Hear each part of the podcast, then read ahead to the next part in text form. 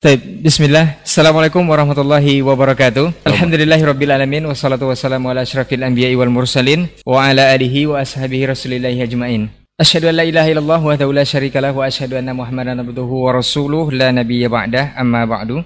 91,1 FM Radio Robani merajut ilmu dan peradaban generasi Robani dan pemirsa KMTV juga sahabat pondasi di mana pun anda bisa menyimak siaran kita di kesempatan malam hari ini Alhamdulillah kita kembali bersyukur kepada Allah Subhanahu Wa Taala untuk segala nikmat dan juga rahmatnya kepada kita bersama di kesempatan malam hari ini. Kemudian salawat dan salam seperti biasa kepada Nabi Muhammad Sallallahu Alaihi Wasallam. Kita mohonkan salawat ini tersampaikan selalu kepada seluruh keluarga beliau hendaknya, kepada para sahabat juga tentunya kepada orang-orang yang senantiasa istiqomah menjaga dan menjalankan ajaran serta sunnah-sunnah beliau hingga hari kiamat kelak. Baik, generasi Robani dan pemirsa KMTV juga sahabat pondasi dan ikhwah yang hadir di studio untuk kesempatan malam hari ini. Alhamdulillah kita sudah berada di pondasi episode ke-11 podcast dakwah Islami masih bersama guru kita yang sangat luar biasa. Alhamdulillah beliau sudah uh, berkesempatan hadir dan semoga uh, beliau selalu diberikan kesehatan oleh Allah Subhanahu wa taala untuk menyampaikan atau berbagi ilmu bersama kita di kesempatan hari ini. Baik, generasi Urbani dan pemirsa KMTV kita akan membahas satu tema di kesempatan malam hari ini yaitu kita dalam kata. Ini syarat makna sepertinya apa yang akan kita bahas nanti antum akan simak insya Allah selama satu jam ke depan di berbagai channel dakwah yang sudah uh, bekerja sama untuk menyebarluaskan uh, podcast kita di malam hari ini. Baik, tanpa perlu memperpanjang atau mempersingkat waktu, kita langsung saja sapa guru kita untuk kesempatan hari ini.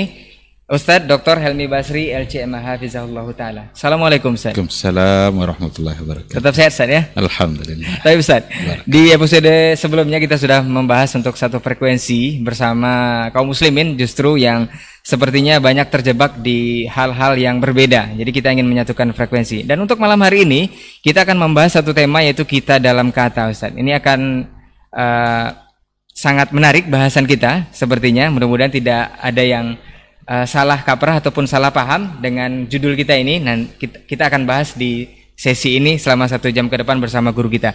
Untuk yang pertama Ustadz, Alhamdulillah untuk uh, gelombang boleh dikatakan uh, bahasanya hijrah Ustadz ya. Gelombang hijrah dari kaum muslimin fenomena dakwah Islam ini kan sudah banyak kita lihat karena perkembangan zaman dan teknologi Ustadz. Jadi dakwah itu gampang sampai. Setiap orang mengakses smartphone-nya itu bisa mendapatkan kajian-kajian Islam dan juga ilmu-ilmu yang bisa didapat dari berbagai media sosial.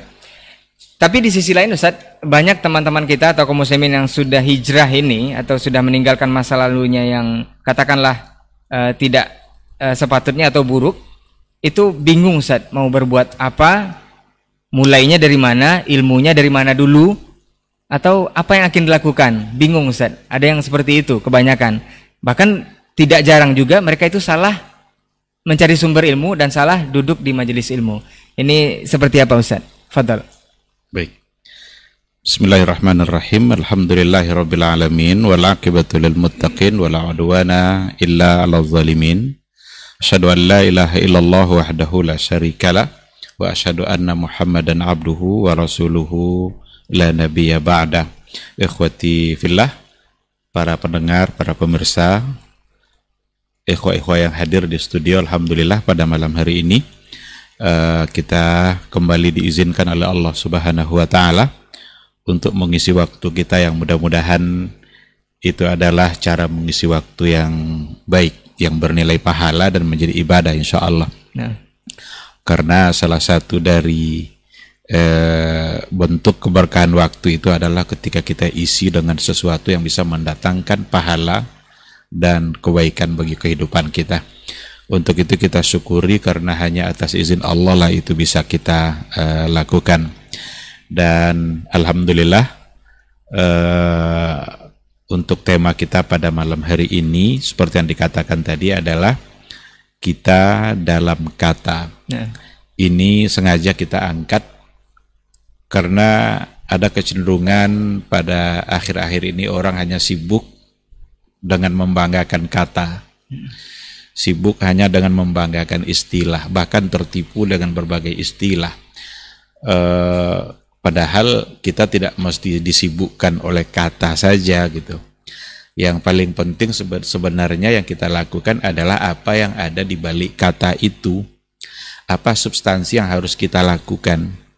Umpamanya cinta, cinta Allah.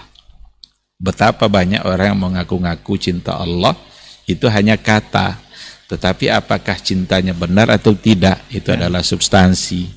Jadi harus benar-benar sesuai makna cinta yang diinginkan itu dengan apa yang kita yang kita lakukan agar tidak hanya sekedar uh, ungkapan-ungkapan begitu saja uh, atau umpamanya uh, hijrah seperti yang dikatakan tadi. Nah. Alhamdulillah ketika sudah sampai pada tahap bisa berhijrah. Tapi yang lebih penting itu adalah ma ba'dal hijrah. Apa yang harus dilakukan setelah hijrah. dia mengaku sebagai orang yang yang berhijrah. Nah, ini membanggakan sebagai orang yang sudah berhijrah saja lalu lalu tertipu oleh istilah yang tidak sampai pada substansi, saya kira itu tidak tepat. Nah. Oleh karena itu, yang terpenting sesungguhnya adalah apa hakikat dari sebuah hijrah dan apa yang harus kita lakukan setelah kita kita berhijrah. Uh, oleh karena itu sekali lagi ini menjadi penting untuk kita bahas pada malam hari ini agar kita mengerti dengan substansi dan mengedepankan hakikat dan substansi itu tidak hanya berhenti sebatas istilah tapi tidak masuk ke dalam istilah itu. Nah. Oleh karena itulah kita harus berada di dalam kata itu bukan hanya sekedar memegang istilah tapi apa substansi yang ada di dalamnya. Nah, oleh karena itu, ketika kita lihat hijrah itu dari Rasulullah sendiri itu Shallallahu Alaihi Wasallam sendiri itu memberikan definisinya nah. bahwa orang hijrah itu adalah manhajara manahallahu anhu orang-orang yang hijrah itu adalah orang-orang yang siap untuk meninggalkan hijrah dia dari apa yang dilarang oleh Allah Subhanahu wa taala kebiasaan sebelumnya itu adalah bergelimang dengan hal-hal yang dilarang oleh Allah. Lalu muncul kesadaran untuk berhijrah. Maka hijrah yang sesungguhnya itu adalah berpindah dari kebiasaan-kebiasaan yang di situ ada kemaksiatan, maka ia berpindah kepada kebiasaan-kebiasaan yang di situ ada ketaatan. Kebiasaan yang sebelumnya mendapatkan dosa itu harus dia tinggalkan. Sekarang dia harus berubah kepada kebiasaan yang mendatangkan pahala ya. dan begitu seterusnya. Nah, jadi sekali lagi ayo kita menuju substansi, ayo kita menuju hakikat tidak hanya sekadar berada pada level kata atau level istilah yang tanpa makna. Nah. Ya.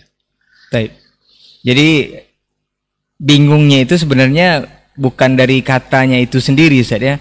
Bukan setelah hijrah kita terpaku di oh anak sudah hijrah ini seperti ini. Bukan hanya itu saja tapi apa yang ada dalam makna hijrah itu yang sudah di, di, digambarkan atau diberikan oleh Rasulullah SAW itu kita harus masuk ke dalam uh, substansi hijrah iya, itu sendiri. Iya. Nah, betul. Oleh karena itu orang yang sudah punya kesadaran untuk berhijrah itu benar-benar harus ada niat untuk berhijrah secara total dan sempurna. Nah. Dan dengan melakukan taubat. Kenapa demikian? Karena biasanya orang-orang yang seperti itu itu akan diuji nanti oleh Allah dengan terbukanya di hadapan dia pintu-pintu ke eh, kemaksiatan yang biasa dia lakukan. Nah. Dan itu sebagai ujian bagi hati dia ujian bagi niat dia untuk berhijrah. Benar tidak dia ingin kembali kepada Allah? Terbuka di hadapan dia pintu-pintu dosa yang begitu banyak. Oleh karena itu, dia harus benar-benar bertaubat kepada Allah dan benar-benar harus, harus punya niat dan azimah yang kuat untuk melakukan sebuah sebuah hijrah. Uh, umpama sebelumnya dia biasa melakukan tindakan-tindakan yang memang di situ akan akan apa namanya akan mendatangkan dosa dan kemaksiatan. Mungkin malam-malam keluyuran nah. atau pergi ke tempat-tempat yang di situ ada macam-macam konser dan lain sebagainya. Sekarang dia mulai sadar. Ketika dia menyadari itu, alhamdulillah itu satu modal kebaikan yang telah ditunjukkan oleh Allah Subhanahu wa taala. Tapi kadang dia diuji juga oleh Allah. Tiba-tiba ada kawannya ngajak kembali. Ayo pokoknya semuanya gratis. Apa yang kamu mau saya yang nanggung. Ah, ini mulai goyang kadang nih. Dulu ikut dia dia yang bayar kan. Sekarang ikut lagi tapi sudah dibayarkan oleh orang lain. Itu ujian sesungguhnya. Nah. Ini benar-benar ujian bagi orang yang yang ingin kembali kepada Allah. Dulu dia biasa merokok umpamanya. Asik kali dia merokok, nikmat kali. Tapi mulai kesadarannya, oh ini kan sesuatu yang merusak. Merusak saya, merusak orang lain. Jadi tidak merusak diri sendiri, tapi juga merusak orang lain. Sudah dia tinggalkan. Tiba-tiba ada yang nawarin kembali, ah, berbungkus-bungkus pula dia tawarkan. Gratis. Gratis pula itu. Nah. Ini semua adalah bentuk-bentuk ujian. Kalaulah seandainya tidak diikutkan dengan taubat yang sebenarnya, tidak diikutkan dengan azimah dan niat yang kuat, niscaya dia akan begitu mudah untuk kembali kembali kepada hal-hal yang hal-hal yang tidak baik. Oleh karena itu apa yang harus dia lakukan? Nah, kan ini yang yang penting kan? Tentu saja dia harus memperdalam ilmu dan memperkokoh iman. Di samping itu dia harus mencari teman-teman di mana dia punya seperti yang kita bahas pada sebelumnya lingkungan yang punya lingkungan dan frekuensi yang sama. Nah. Harus dia berupaya betul agar dia punya teman-teman yang baik, teman-teman yang bisa mengingatkan dia di mana membantu dia untuk ketaatan kepada Allah Subhanahu wa taala. Maka bersama-sama dengan temannya itu dia memperdalam ilmu, kemudian dia memperkokoh keimanan dia kepada Allah, dia bersyukur kepada Allah bahwa keinginan kembali itu itu sesungguhnya adalah petunjuk yang luar biasa yang tidak mungkin bisa dihargai dengan apa pun. Nah. Itu sesuatu yang sangat mahal. Maka bersyukurlah orang-orang yang diberikan kesadaran oleh Allah untuk kembali kepada jalan yang benar dan peganglah baik-baik itu. Kemudian carilah cara agar dia tetap bertahan di atas itu dan tidak kembali kepada kesalahan yang sebelumnya. Ya Ustaz, tapi kekeliruan sebagian kita, sebagian besar kita Ustaz yang telah berhijrah ini mungkin banyak teman-teman yang sudah hijrah di luar sana itu selain bingung untuk melakukan apa, terjebak kepada uh, outfit Ustaz, kepada penampilan saja. Karena mereka mengidentikan kalau hijrah itu Afan ini Ustaz, uh, sudah memelihara jenggot, iya. sudah bercelana di atas mata kaki. Uh, yang yang wanita atau yang perempuan sudah mulai memakai jilbab yang dalam atau jilbab yang lebar, bahkan ada yang memakai nikob dan cadar. Uh, seolah-olah mereka hijrah itu hanya sebatas itu saja, tapi ilmu pengamalan dan lain-lain dari substansi yang Ustaz sebutkan tadi malah tidak dapat? Apakah memang hijrah itu itu saja Ustaz? Bahkan banyak juga yang disalahgunakan Ustaz kalau banyak juga yang yang berjenggot dan bercelana di atas mata kaki malah melakukan hal-hal yang sebenarnya tidak disunahkan dalam uh, sunnah Rasulullah SAW. Ini seperti apa Ustaz? Iya, baik.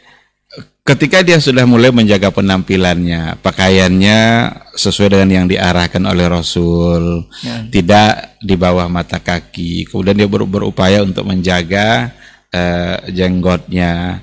Itu itu mazahir itu penampilan.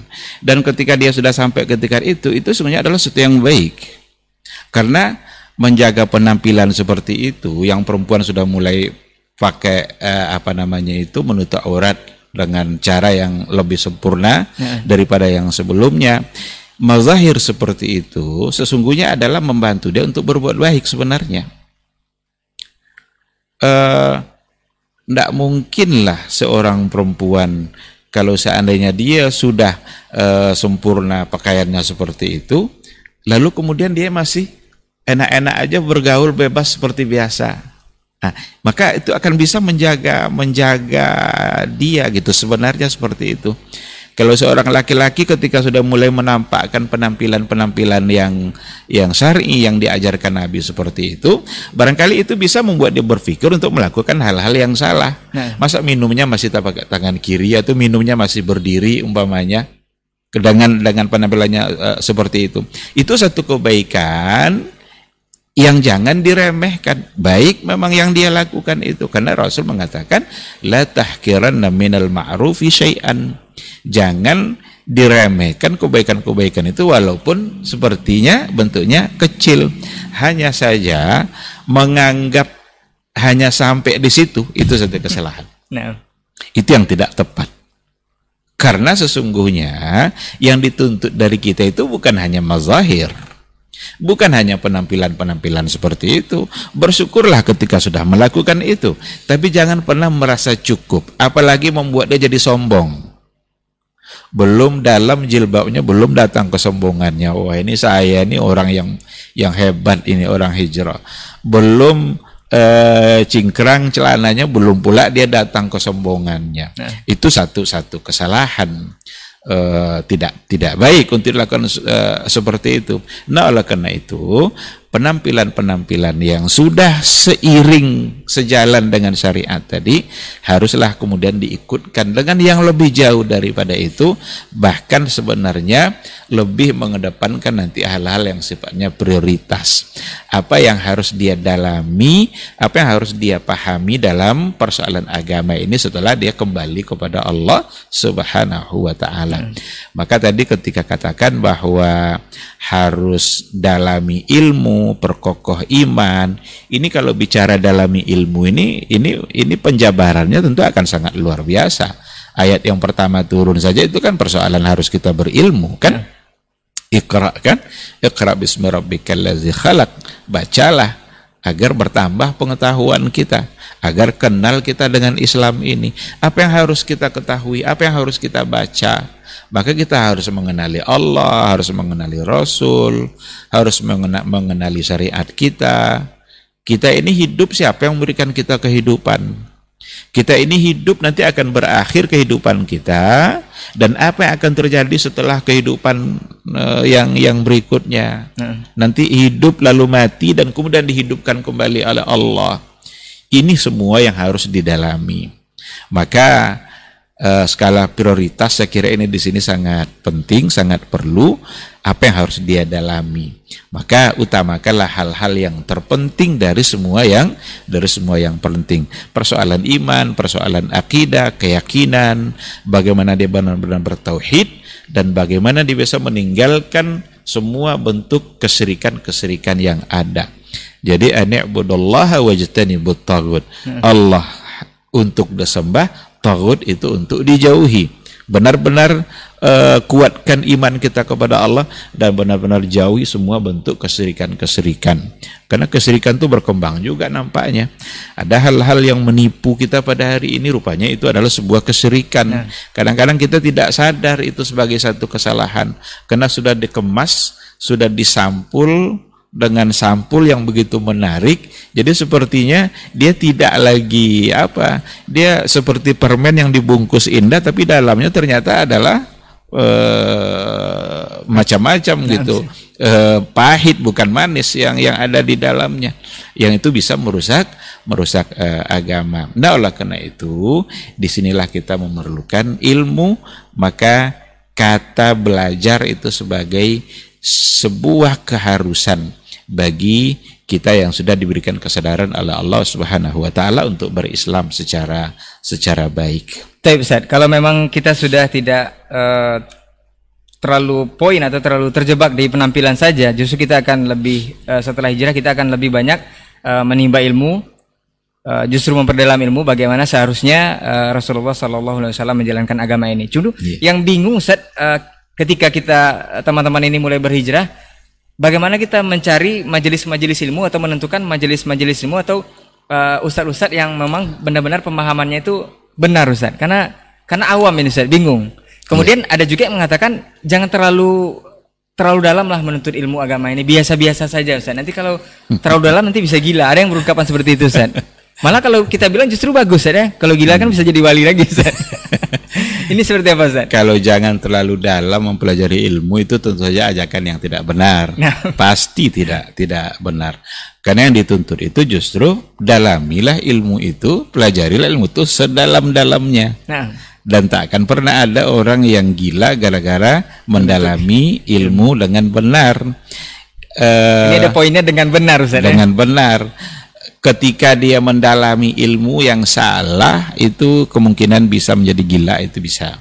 Tapi kalau benar dalam menuntut ilmunya, be belajar kepada orang yang benar manhajnya, uh, mengajarkan apa yang benar pula dalam pandangan Allah dan pandangan Rasulnya, itu justru akan memperkokoh keimanan, memperkokoh kedekatan dia, memperdekat hubungan dia dengan Allah Subhanahu wa taala karena caranya benar. Nah, oleh karena itu uh, memang nampaknya uh, bagi orang-orang yang awal-awal ingin mendalami Islam nampaknya memang harus selektif juga. Nah. Harus selektif dalam artian ya mencari yang manakah kira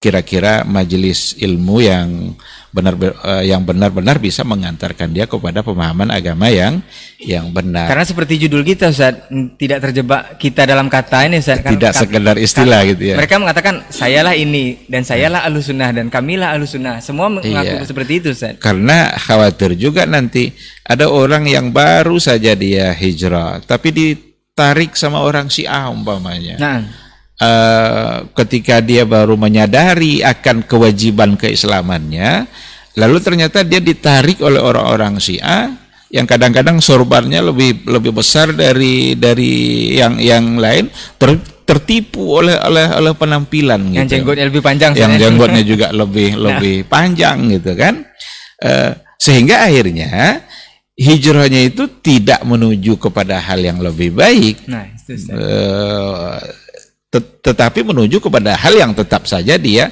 dia salah gitu. Nah, nah di sini memang perlu banyak mencari tahu dan perlu banyak sekali lagi mencari teman-teman yang memang dianggap itu sebagai orang yang selama ini baik dan selalu memberikan masukan-masukan yang baik pada pada diri dia. Tidak tidak mesti dia beristihad sendiri. Ah, menurut saya ini inilah yang baik ini. Karena dia belum bisa untuk untuk menilai uh, seperti itu. Ini bukan pula bukan pula ambil baik buang buruk nanti ya. iya, tapi kehati-hatian tadi menjadi menjadi penting nah. gitu. Karena tidak hanya sekedar hijrah lalu mengamalkan apa yang kita mau, enggak. Tapi kita berhijrah berpindah kepada Islam yang benar-benar didasarkan kepada Al-Qur'an dan sunnah. Siapakah orangnya? Siapa saja asal dia berdasarkan kepada Al-Qur'an dan dan sunnahnya Rasulullah Shallallahu Alaihi Wasallam.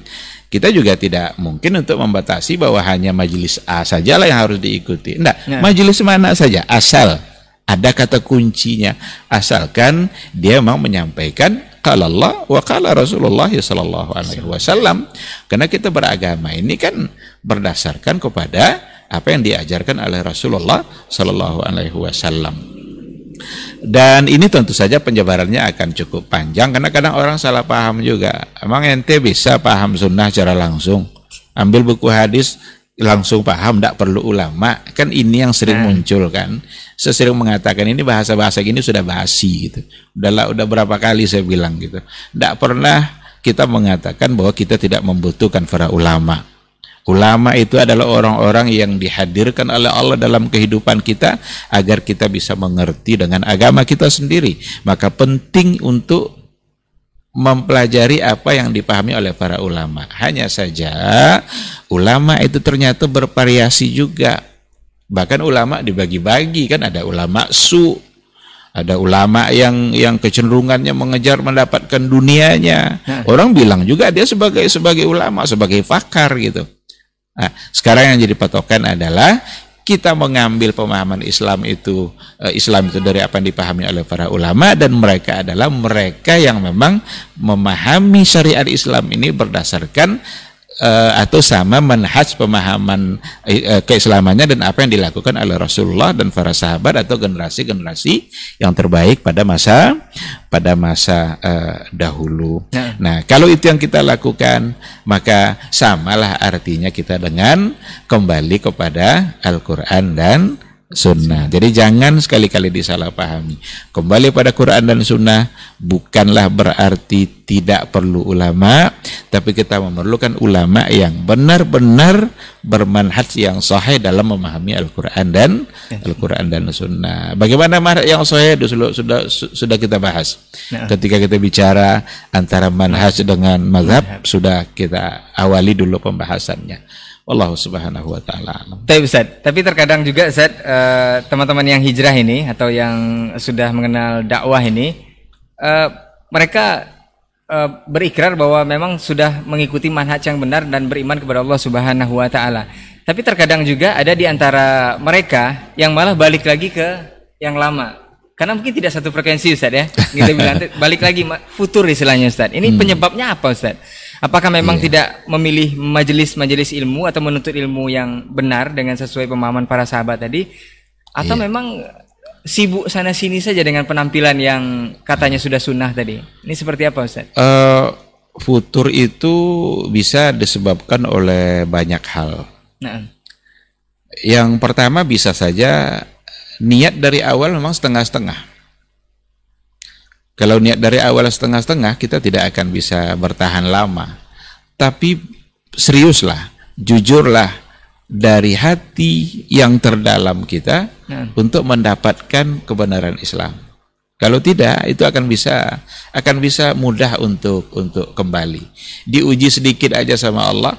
Kadang ada awalnya dia begitu kaya raya, senang hidupnya, eh, berpoya-poya, semangat untuk kembali kepa- kepada Islamnya datang. Nah, Kalau semangat kembali pada Islamnya datang, nanti akan diuji. Bisa aja dia diuji oleh Allah, diuji dengan kemiskinan, bisnis yang selama ini maju ternyata eh, sudah merosot. Ah, bisa ndak dia untuk menghadapi itu semua? Kalau niatnya setengah-setengah, itu akan akan kembali. Berapa banyak orang yang yang seperti itu? nah. Eh dari kalangan artis juga seperti itu. Dulu dia eh apa joget-joget lain sebagainya lalu tobat dia. Ternyata ada niat yang tidak sempurna dalam persoalan hijrahnya tidak siap untuk menanggung apa yang diuji oleh Allah Subhanahu wa taala. Balik lagi. lalu lalu balik lagi. Nah. karena ketika diuji Allah dengan terbuka kembali godaan-godaan yang sebelumnya. Ini yang yang dia harus harus eh, siap gitu atau juga bisa disebabkan oleh terlalu, terlalu memaksakan diri di dalam mengerjakan semua ketentuan agama Nah, ini poinnya Ustaz. ini ini bisa ini Nah, karena inna dina yusrun. Ini hadis Rasulullah sallallahu alaihi wasallam. Inna dina yusrun dina nah. ahadun illa ghalaba. Jadi agama Islam ini, syariat ini mudah, mudah diamalkan, mudah dikerjakan, mudah dipahami, mudah dikerjakan. Jadi apa Ustaz? Karena memang yang baru-baru hijrah ini teman-teman yang sudah mengenal dakwah ini terlalu semangat apa-apa dikerjakan memang Ah, semua. full. Nah, Ustaz. Jadi itu yang Semua. menyebabkan balik lagi Ustaz. Eh, artinya jadi coba kita pahami dulu hadis Nah. tadi. Tidaklah seseorang itu memaksakan dirinya dalam beragama kecuali dia akan kalah sendiri. Dia akan dikalahkan, dia akan bosan sendiri nanti. Nah. Karena sudah bertahun-tahun dia tidak membaca Quran, pas dia hijrah, dia ingin waktunya terus baca Quran. Nanti capek sendiri itu. Capek sendiri itu. Oh, berarti nggak nggak baik baca Quran terus-terusan. Bukan tidak baik terus-terus baca Quran, tapi kadang-kadang kalau kita memaksakan diri secara berlebihan seperti itu, itu bisa membuat kita menjadi futur dalam beragama. Dan Nabi juga tidak setuju dengan yang seperti itu. Kan kisahnya tiga orang sahabat itu kan yang ingin menandingi Nabi kan. Jadi bayangkannya amal Nabi itu, ha, Nabi itu sholat malamnya begini, puasanya begini, dijamin masuk surga. Kita ini apalah katanya, ingin dia menandingi. Apa yang ingin mereka lakukan? Yang satu pokoknya malam terus sholat, tidak akan tidur. Yang satu lagi asal siang dia akan puasa, tidak akan ada hari di mana dia tidak berpuasa. Terus dia akan berpuasa. Nah. Yang ketiga dia bilang la atazawwajun nisa. Saya tidak mau nikah. Karena itu nanti mengganggu saya untuk beribadah. Sampai cerita itu sama Nabi. Ketika Nabi tahu ada sahabat yang seperti itu, naik mimbar Nabi, Nabi sampaikan, "Ma balu qaumin yaquluna kaza wa kaza." Kok ada ini orang yang eh, bilang begini begini begini Nabi enggak enggak tunjuk siapa orangnya. Itu metode dakwah Nabi di mana kalau me, kalau ingin merubah satu kemungkaran kan tidak mesti menyebut orang di depan orang ramai kan. Nah. Nabi hanya menyebutkan perbuatannya saja. Ada orang bilang begini-begini kata Rasul. Innama ana atqakum wa akhsyakum. Saya ini kata Rasul lebih bertakwa dari kalian semua dan lebih takut kepada Allah dari semua kalian. Tidak ada yang lebih takut dari uh, kepada Allah selain daripada saya kata Rasul. Tapi saya kalau sudah malam hari saya tidur dan saya juga bangun di malam hari. Siang kadang saya berpuasa tapi saya juga berbuka dan saya menikah. Nah, yang tiga ini, ini gambaran dari memaksakan diri dalam beragama. Dan Nabi tidak setuju.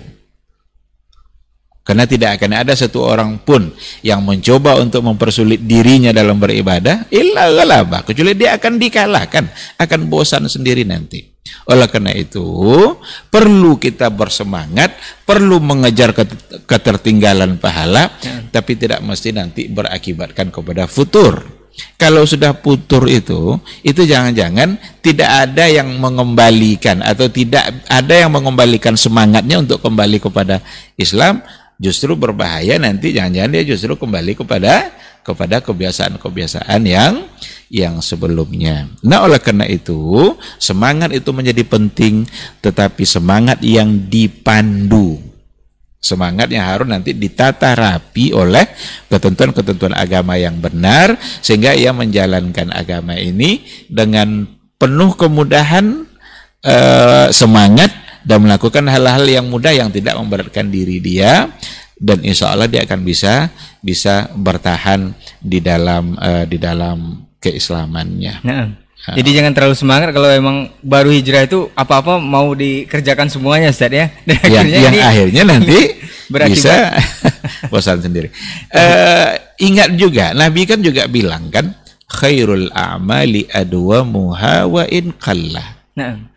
Amalan yang terbaik yang kita kerjakan itu adalah yang terus-menerus meskipun sedikit. Nah, dia berarti dia berkesinambungannya ini berkesinambungan itu. Nah uh, karena ber, berkesinambungan itu gambaran dari kita tak putus kontak sama Allah. Bahwa kita baca Quran, nah. uh, biarlah satu halaman, dua halaman setiap pagi, tapi terus ada setiap pagi. Daripada sekali duduk kita selesai itu tiga juz, tapi tidak ketemu lagi dengan Quran kecuali bulan depan. Ini tidak baik. Tidak baik. Karena lama masa berpisahnya dengan nah. dengan Quran. Tapi kalau dia terus sedikit-sedikit, kalau perlu setiap selesai sholat, meskipun mungkin entah setengah halaman atau satu halaman, tapi terus itu kan terjaga hubungan dia dengan kalam Allah. Dan itu jauh lebih baik. Atau dari, beberapa ayat sih Ustaz ya? Atau beberapa ayat. Tapi kalau dipaksakannya, nah. dipaksakan sekaligus banyak, khawatir nanti capek sendiri dia. Nah kalau sudah capek jangan membuat dia merasa itu sebagai beban. Nah. Kalau kalau Islam sudah dianggap sebagai beban, tentu akan mencoba untuk menghindar lagi kan. Nah. Tapi Islam itu sesungguhnya adalah kebutuhan. Kalau Islam itu dianggap sebagai kebutuhan, kita akan mencari Islam itu di mana pun ia berada, karena kita membutuhkannya. Tapi kalau beban, beban ini kan kalau bisa ditinggalkan kan? Nah. Kalau beban itu harus diangkat di hadapan di hadapan pimpinannya, pas pimpinannya tidak ada, ditaruh lagi. Ditaruh lagi kan? Karena karena itu beban gitu. Nah. Tapi kalau sebagai kebutuhan, dia yang butuh. Jiwanya yang butuh kepada Islam maka dia akan cari, tidak akan pernah puas dia. Tidak akan ada yang pernah puas dengan Al-Quran. Maka e, kalaulah ada sebuah ungkapan ya, kalau seandainya hatinya benar-benar beriman kepada Allah, tidak akan pernah puas dengan Al-Quranul Karim. Nah. Tidak akan pernah merasa puas karena itu dianggap sebagai kebutuhan. Taib. Yang pasti juga kalau memang uh, perintah yang dilakukan itu memang sudah menggebu-gebu untuk dilakukan, ini kenikmatan juga tidak tidak terasa Ustaz ya. Jadi tidak seolah menjadi beban, memang berat jadinya untuk berat iya. Bahkan berat. nanti tiba di titik jenuh itu akan ditinggalkan. Nah, ini akan mengakibatkan Iya. futur untuk semuanya. Iya. Baik. Mungkin mungkin ada hal-hal yang yang eh, dia belum sanggup Nah, Uh, us apa dulu biar biarkan uh, biarkan dulu karena menunggu nanti ada sampai semangat dia bisa bisa me- melakukan. Jadi kalau kan banyak sekali ibadah-ibadah ini kan. Banyak sekali ibadah-ibadah yang perlu dikerjakan. Sholat sunat puasa sunat apa segala macam. Bagus kalau bisa mengerjakan semua. Tapi kan kadang-kadang ada orang yang begitu mudah untuk puasa sunnah tapi sulit untuk sholat sunat malam umpamanya. Ada pula di satu sisi orang begitu mudah untuk mengerjakan eh, sholat di malam hari, tapi begitu sulit pula untuk berinfak, bersedekah. Kan kan gitu. Karena itu semua pintu-pintu kebaikan itu kan yang yang yang kalau bisa dilakukan ya oke.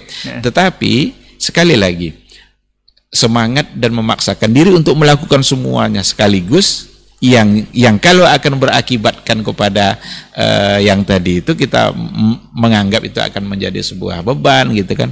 Itu justru menjadi tidak baik dalam perjalanan eh, beragama kita.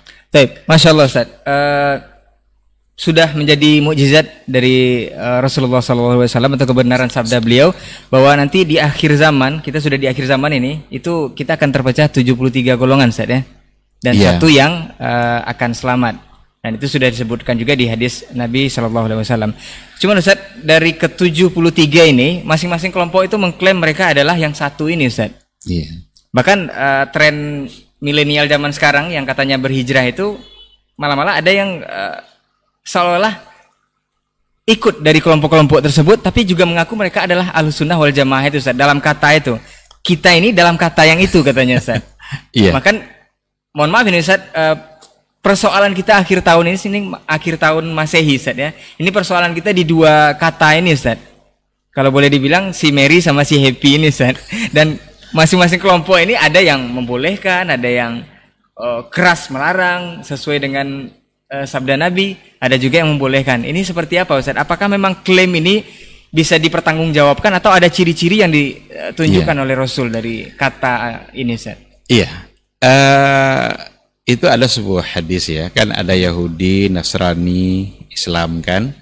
71, 72 untuk umat Islam, umatku kata Rasul akan terpecah menjadi 70 Tiga. 73.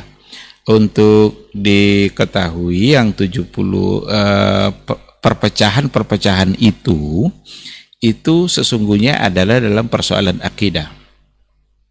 Bukan perbedaan-perbedaan dalam masalah fikih. Artinya mazhab Syafi'i, mazhab ah, Abu Hanifah, mazhab Imam Malik, mazhab ya, Imam Ahmad, eh, Hambali itu kan persoalan persoalan fikih ya. Maka yang bermasalah dari 73 tadi itu yang kata Rasul itu eh, kan satu yang yang benar ya. Nah. 72 finnar. Itu persoalannya ada dalam masalah akidah. Dalam masalah bagaimana mereka mengenali Allah Subhanahu Berarti bukan di masalah fikih Ustaz ya? Kan masalah fikih. Nggak masuk pengelompokannya untuk masalah masalah fikih. Nah. Dan Nabi dalam hadisnya tidak menyebut nama bahwa yang satu itu adalah ini, Nah. tapi Nabi menyebutkan karakternya. Siapa yang satu itu? Adalah orang yang sejalan ma'ana alaihi wa ashabi. Nah, ini poin. Orang yang berada di atas apa yang saya ada di situ Nah. wa ashabi dan juga sahabat sahabat saya. Oleh karena itu lagi-lagi kita tak perlu meng- meng- menghiraukan nama gitu. Kita perlu Eh, menghiraukan kata itu ya? bukan menghiraukan kata sekarang ini. Yang lebih penting untuk ditelusuri itu adalah karakter yang disebutkan Nabi tadi itu ada enggak sama dia? Nah, Ada orang berkuar-kuar mengatakan ahlu sunnah, ahlu sunnah, tapi dia sama sunnah sendiri begitu jauh. Ya kan? nah, Ah, jadi sekali lagi, Jangan tertipu oleh atau jangan terjebak oleh hanya uh, sebuah kata lalu membanggakan kata itu. Tapi sekarang substansi. Ketika Nabi mengatakan mereka yang satu itu, yang satu itu adalah mereka yang berada di atas apa yang saya berada di atasnya dan juga sahabat sahabat saya. Berarti apa yang dipahami oleh Rasulullah Shallallahu Alaihi Wasallam dalam persoalan agama ini dan bagaimana cara memahami agama ini? Dalam persoalan akidah beriman kepada Allah beriman kepada yang gaib. Yang gaib itu kan persoalan persoalan keimanan kan? Nah. bagaimana Nabi dulu meng, meng, mengimaninya? Bahkan beriman kepada Rasul sendiri bagaimana mencintai Rasul? Itu.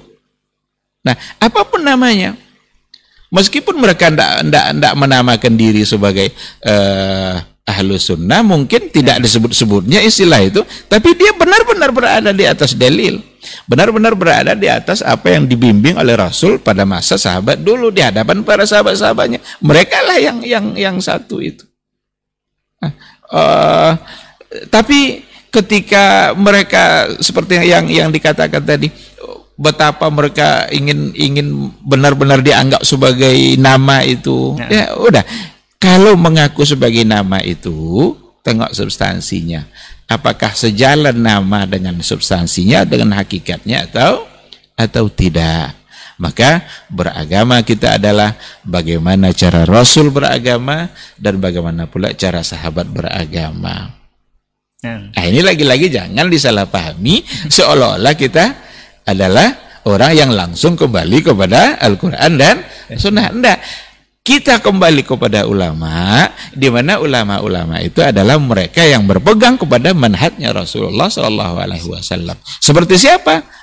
Imamul Mazahib, imam yang empat itu jangan dikira mereka tidak punya punya dalil dalam dalam beristihad, tetapi mereka tidak pernah satupun yang menganjurkan agar mengikuti diri mereka. Karena mereka menyadari bahwa ada kemungkinan dari apa yang diistihadkan oleh mereka masing-masing mungkin itu salah. Maka apa kata Imam Syafi'i? Jadi menurut Imam Syafi'i itu ra'i sawab yahtamilul khata. Kalau saya beristihad kata Imam Syafi'i, pendapat saya itu dalam pandangan saya itu benar tetapi masih ada kemungkinan untuk untuk salah. Pendapat orang lain, hasil istihad orang lain. Itu dalam pandangan saya itu saya anggap salah, nah. tapi masih ada kemungkinan untuk untuk benar. Dan semua mereka mengatakan seandainya apa yang saya katakan itu bertentangan dengan Al-Quran dan Sunnah, maka tinggalkan tinggalkan pendapat saya. Ini yang menunjukkan bahwa mereka sama manhasnya dengan para dengan para sahabat. Tapi kalaulah ada di antara orang, di antara ulama, di antara kiai mungkin yang mewajibkan harus ikut dia, jangan coba-coba ikut selain saya. Kalau tidak ikut saya, salah. Berarti dia sendiri sudah salah. Nah. Karena para ulama mazhab saja tidak menganjurkan untuk mengikuti diri dia. Hmm. Bahkan Imam Syafi'i bilang idza sahal hadis bahwa bahwa mazhabi. Kalau hadisnya sahih itulah mazhab saya. Jadi tidak sulit menjadi pengikut Imam Syafi'i itu. Seandainya uh, oleh kebanyakan para ulama di antara pandangan Imam Syafi'i itu ternyata ada yang keliru. Ini contoh nih, umpamanya ada yang yang keliru oleh uh, jumhur umpamanya. Nah karena ada hadis yang soheh yang bertentangan. Lalu kita pindah kepada hadis yang soheh. Kita sebenarnya sangat syafi'i sekali. Jadi bukan berarti yang syafi'i itu yang mengikut semua pendapat Imam Syafi'i. Tapi yang syafi'i itu adalah yang mengikut hadis-hadis yang soheh. Karena Imam Syafi'i bilang Karena Imam Syafi'i bilang seperti itu. Kalau hadisnya soheh itulah mazhab, itulah mazhab saya. Nah.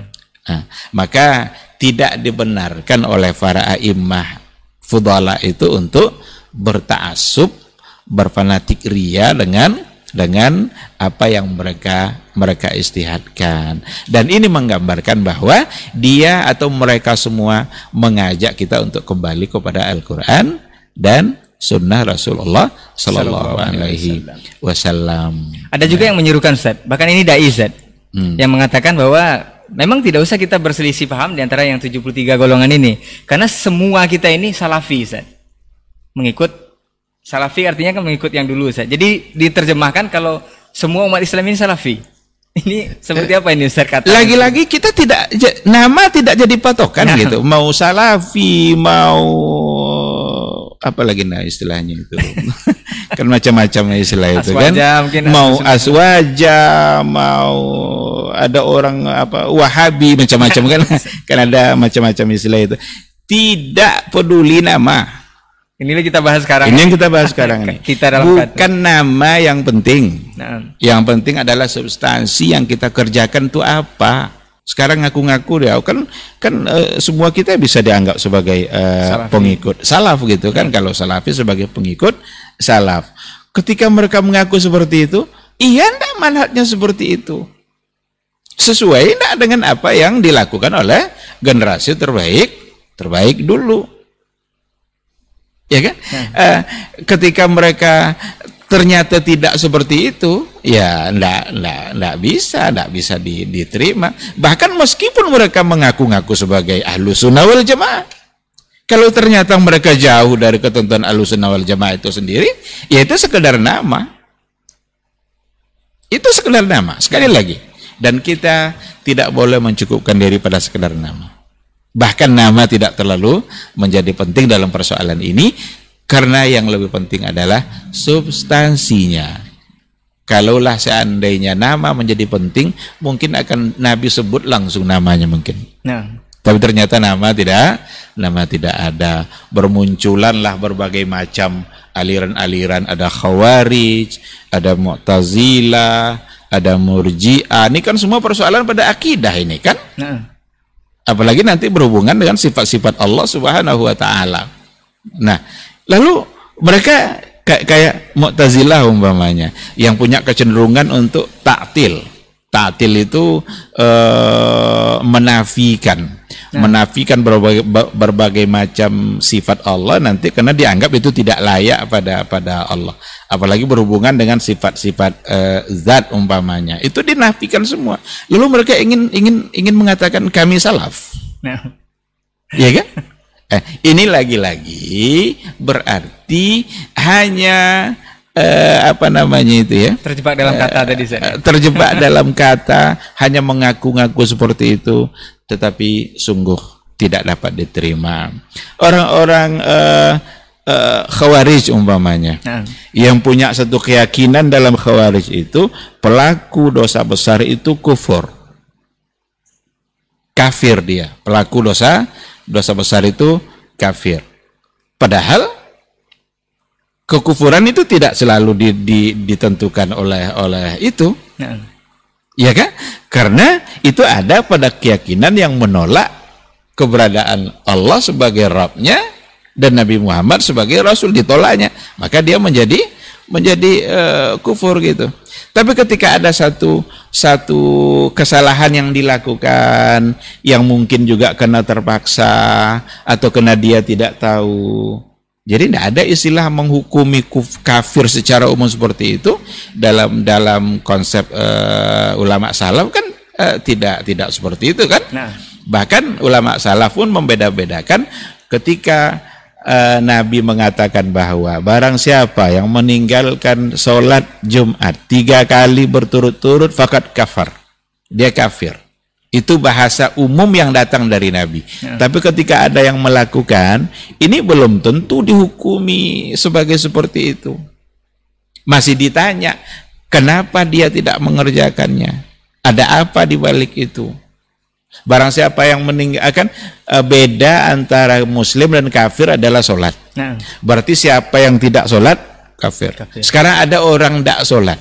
Itu oleh ulama salaf itu tidak langsung dihukumkan kufur karena ada kemungkinan dia meninggalkan itu tahawunan wa takasulan karena malas, karena menganggap remeh, menganggap enteng.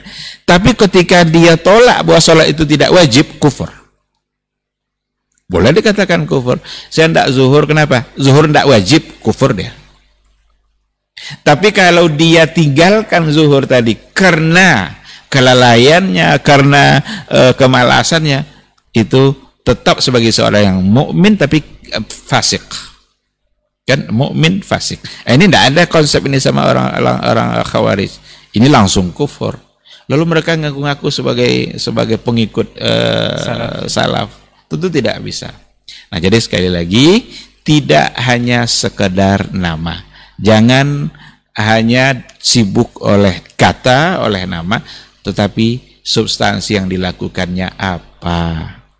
Jadi nanti disclaimer nih untuk yang di luar sana mungkin mengatakan juga kalau uh, ulama-ulama uh, salaf itu mudah mengkafirkan padahal yeah. sebegitu rinciannya untuk sebegitu menjatuhkan rinci. hukum kepada seseorang nah, Ini juga fitnah yang begitu luar nah. biasa kepada orang-orang atau kepada dai-dai yang mencoba untuk berpegang teguh kepada nah. Al-Quran dan Sunnah, muncullah tuduhan-tuduhan nanti yang tidak baik, gampang tidak pada tempatnya, misalnya. gampang mengkafirkan, macam-macam tuduhannya, gampang memasukkan orang ke dalam ke dalam Neraka. nerakanya Allah, kapling surga, kapling kapling surga, ya itu lagi lagi-lagi bahasa-bahasa yang yang saya kira tidak pada pada tempatnya, karena persoalan takfir itu itu tidak sesederhana yang kita bayangkan. Menuduh sebuah uh, kekufuran pada seseorang sehingga orang itu disebut sebagai kafir itu berhati-hati betul. Nah. Uh, kalau kalau tersalah nanti justru balik ke ke kita kan. Nah, tetapi ada satu ketentuan umum yang dari yang datang dari Rasul, tetapi ketentuan umum nanti untuk menghukumkan kepada orang-orang tertentu, meletakkan hukum itu pada orang-orang tertentu, di situ perlu ada pembahasannya, ya. perlu ada kajiannya. Tapi Ustaz, nah. uh, waktu kita sampai di penghujung Ustaz ya. Tapi tapi ini penting Ustaz. Karena 73 golongan tadi menurut sebagian orang yang ingin menyatukan kalau tadi sudah dikatakan dengan kita semua salafi, ada juga yang mendamaikan uh, menyatukan 73 golongan ini sudahlah kita tidak usah bertengkar dengan perpecahan yang sudah disabdakan oleh Rasul ini. Kita berdakwah masing-masing saja, tapi jangan dibahas uh, syirik Ustaz. Oh, ibadah mereka seperti itu jangan dibahas itu dulu. Kita untuk menyatukan saja dulu. Ini pemahaman seperti ini seperti apa Ustaz? Bahkan ada juga yang mengatakan bahwa uh, ada entahkah ini hadis atau benar hadisnya atau tidak bahwa perpecahan di umat itu adalah rahmat. Hmm. Ini seperti apa Ustaz? Iya. Kita tidak akan pernah bisa bersatu di atas akidah yang berbeda. Nah. Mustahil. Dulu ketika Rasulullah Shallallahu Alaihi Wasallam itu diutus, ada mereka yang menyembah patung, ada mereka yang menyembah api. Orang Majusi kan menyembah menyembah api. Ada mereka yang menyembah hewan, ada yang macam-macam sesembahan mereka. Ya. Karena memang sembahan itu penting dalam dalam hidup itu kan perlu ada ada sosok yang di yang diagungkan gitu. Maka mereka mencari. Maka Al-Qur'an itu turun untuk memperbaiki akidah mereka itu supaya mereka bisa bersatu di atas di atas akidah.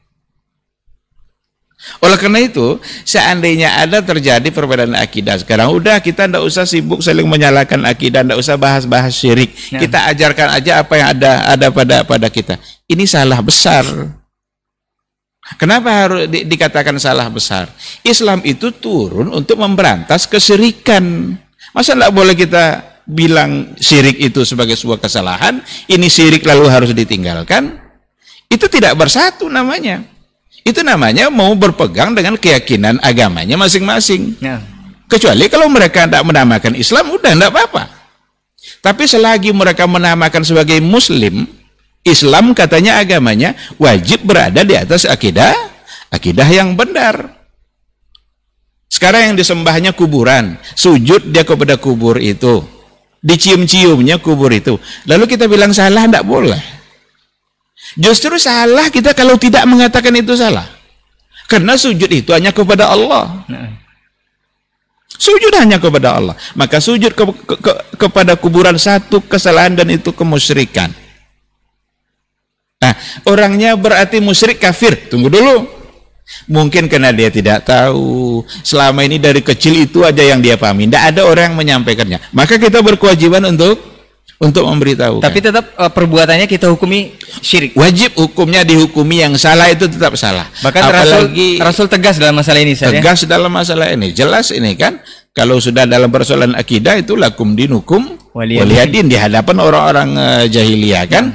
Uh, tapi sekarang karena mereka juga menamakan Islam, maka kewajiban kita sesama muslim untuk memberitahukan kalau itu adalah sebuah kesalahan. Dan bagaimana caranya untuk mengatakan itu salah? Ini ayatnya, ini hadisnya. Nah. Di sinilah pentingnya kita berislam di atas Quran dan hadis, Quran dan sunnah Rasul. Tapi kalau tidak mau diingatkan, eh, ya udah karena eh, berarti kewajiban kita menyampaikan sudah ada, tetapi tidak mau menerima, tetap ingin bertahan di situ, udah yang ingat yang harus diingat adalah pertanggungjawabannya nanti di hadapan Allah Subhanahu wa taala. Lalu ada Hadis. eh, ikhtilafu ummati rahmah. Nah. Ini hadis oleh sebagian besar para ulama la aslalahu. Tidak ada asalnya, tidak ada biang sanad yang bisa dipertanggungjawabkan sampai kepada Rasulullah Sallallahu Alaihi Tapi Wasallam. masyhur Ustaz. Tapi sangat terkenal sekali. Hanya saja kalau dibawa kepada maknanya nanti, kalau seandainya ada pada persoalan-persoalan eh, fikih, itu mungkin maknanya bisa bisa sejalan. Tapi kalau seandainya dibawa nanti kepada akidah, lalu dipakai ikhtilafu ummati rahmah.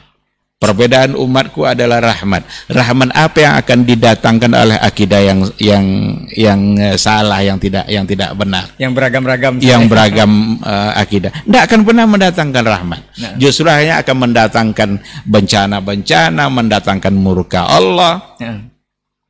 ya kan Nah. jadi sekali lagi hadis itu dari segi periwayatannya tidak dapat dipertanggungjawabkan bahkan ada yang mengatakan la aslalahu tidak ada asalnya tidak ada sanad yang bisa dipertanggungjawabkan sampai kepada Rasul. Kalaupun ada eh, itu adalah sebagai se- sesuatu yang tidak yang tidak sahih datang dari Nabi. Tapi maknanya dari segi makna kalau dibawa nanti kepada persoalan-persoalan eh, yang sifatnya mungkin eh, furu'iyah itu itu bisa bisa dapat di- diterima. Karena memang ada banyak hal yang dalam furu'iyah yang ke- kemungkinan terjadinya perbedaan-perbedaan mungkin disebabkan oleh bagaimana mereka memahami nas eh, atau mendudukkan kesahihan dan eh, daibnya sebuah sebuah riwayat gitu kan. Satu bilang sahih satu bilang daib Eh, itu dalam masalah furu'iyah. Tapi kalau dalam masalah akidah, ini riwayat ini sangat tidak bisa diterima. Karena perbedaan akidah tak akan pernah mendatangkan rahmat. Satu berpegang sa- sama tauhid, yang satu mempertahankan keserikannya. Lalu rahmat apa yang akan datang dengan perbedaan persoalan akidah? Tak tak tak bisa dipakai. Tapi Eh, perlu hadis diingatkan kepada antum semua ini masalah makna Ustaz ya. Tetap hadisnya bukan tidak ada asal Ustaz ya. Tidak ada asal. Bahkan bukan hadis sepertinya Ustaz ya. Eh, begitulah dikatakan oleh para ulama. Kita kalau ingin tahu tentang kesahihan hadis tentu kita cari pada buku-buku hadis yang yang mu'tabar. Nah. Yang memang dapat dipertanggungjawabkan. Tapi ternyata itu tidak ditemukan. Wallahu a'lam.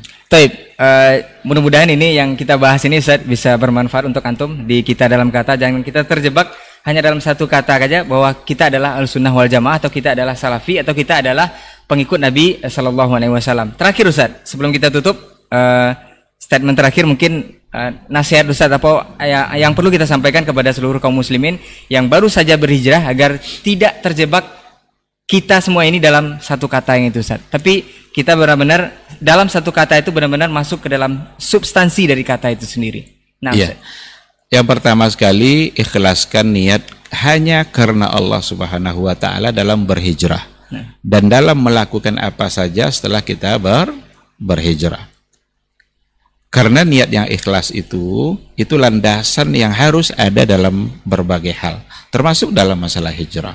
Setelah itu, berupayalah untuk mendalami syariat ini, mendalami agama ini, mulailah dari hal-hal yang terpenting dari yang penting. Dari akidah, kemudian ibadah. Ibadah itu pun nanti ada yang wajib, ada yang sunat. Bu- Bukankah dulu ada seorang badui yang datang menemui Rasul, dia ingin diberikan petunjuk ya Rasulullah tolong tunjukkan kepada saya apa yang harus saya laksanakan dalam kewajiban-kewajiban agama ini disebutlah oleh Rasulullah Sallallahu Alaihi Wasallam hal-hal yang wajib-wajib saja disebutkan oleh Nabi Nabi tak singgung-singgung yang yang sunat karena dia tahu ini orang baru baru berislam gitu kan kamu harus uh, sholat lima waktu, kamu harus berpuasa Ramadan. Nanti kalau musim haji kamu ingin berhaji laksanakan haji. Kalau kamu kaya sampai nisabnya, kamu harus berzakat. Apalagi ya Rasulullah, itu aja kata Rasul. Senang dia, betapa gembiranya dia mendapatkan itu. Karena bagi dia itu mudah gitu kan. Lalu pergi dia sambil tersenyum, dia bilang begini, saya takkan tambah-tambah selain dari yang disebutkan Nabi itu. Nah, kata Rasul begini, eh, Qad aflaha in sadaq. Dia itu menjadi orang yang sukses atau beruntung jika dia benar. Jika dia mengerjakan yang tadi itu, ha, berarti dia beruntung. Jadi tidak ada alasan sebenarnya menambah-nambah dalam agama ini. berkreasi, uh, berkreasi dalam dalam uh, agama ini tidak tidak perlu. Karena yang ada aja belum semuanya kita kerjakan. Kita kerjakan. Zikir umpamanya. Sudahkah kita mengerjakan semua zikir yang diajarkan Nabi? Berapa banyak itu dalam kehidupan kita? Mulai kita tidur, bangun sampai tidur kembali ada zikirnya. Bakar saat, saat, saat dengar uh, petir ada zikirnya. Nah. Saat dengar ayam berkokok ada pula uh, zikirnya. Hujan ada pula zikirnya. Masuk kamar kecil ada pula zikirnya. Nah, sudahkah semua itu kita kita kerjakan?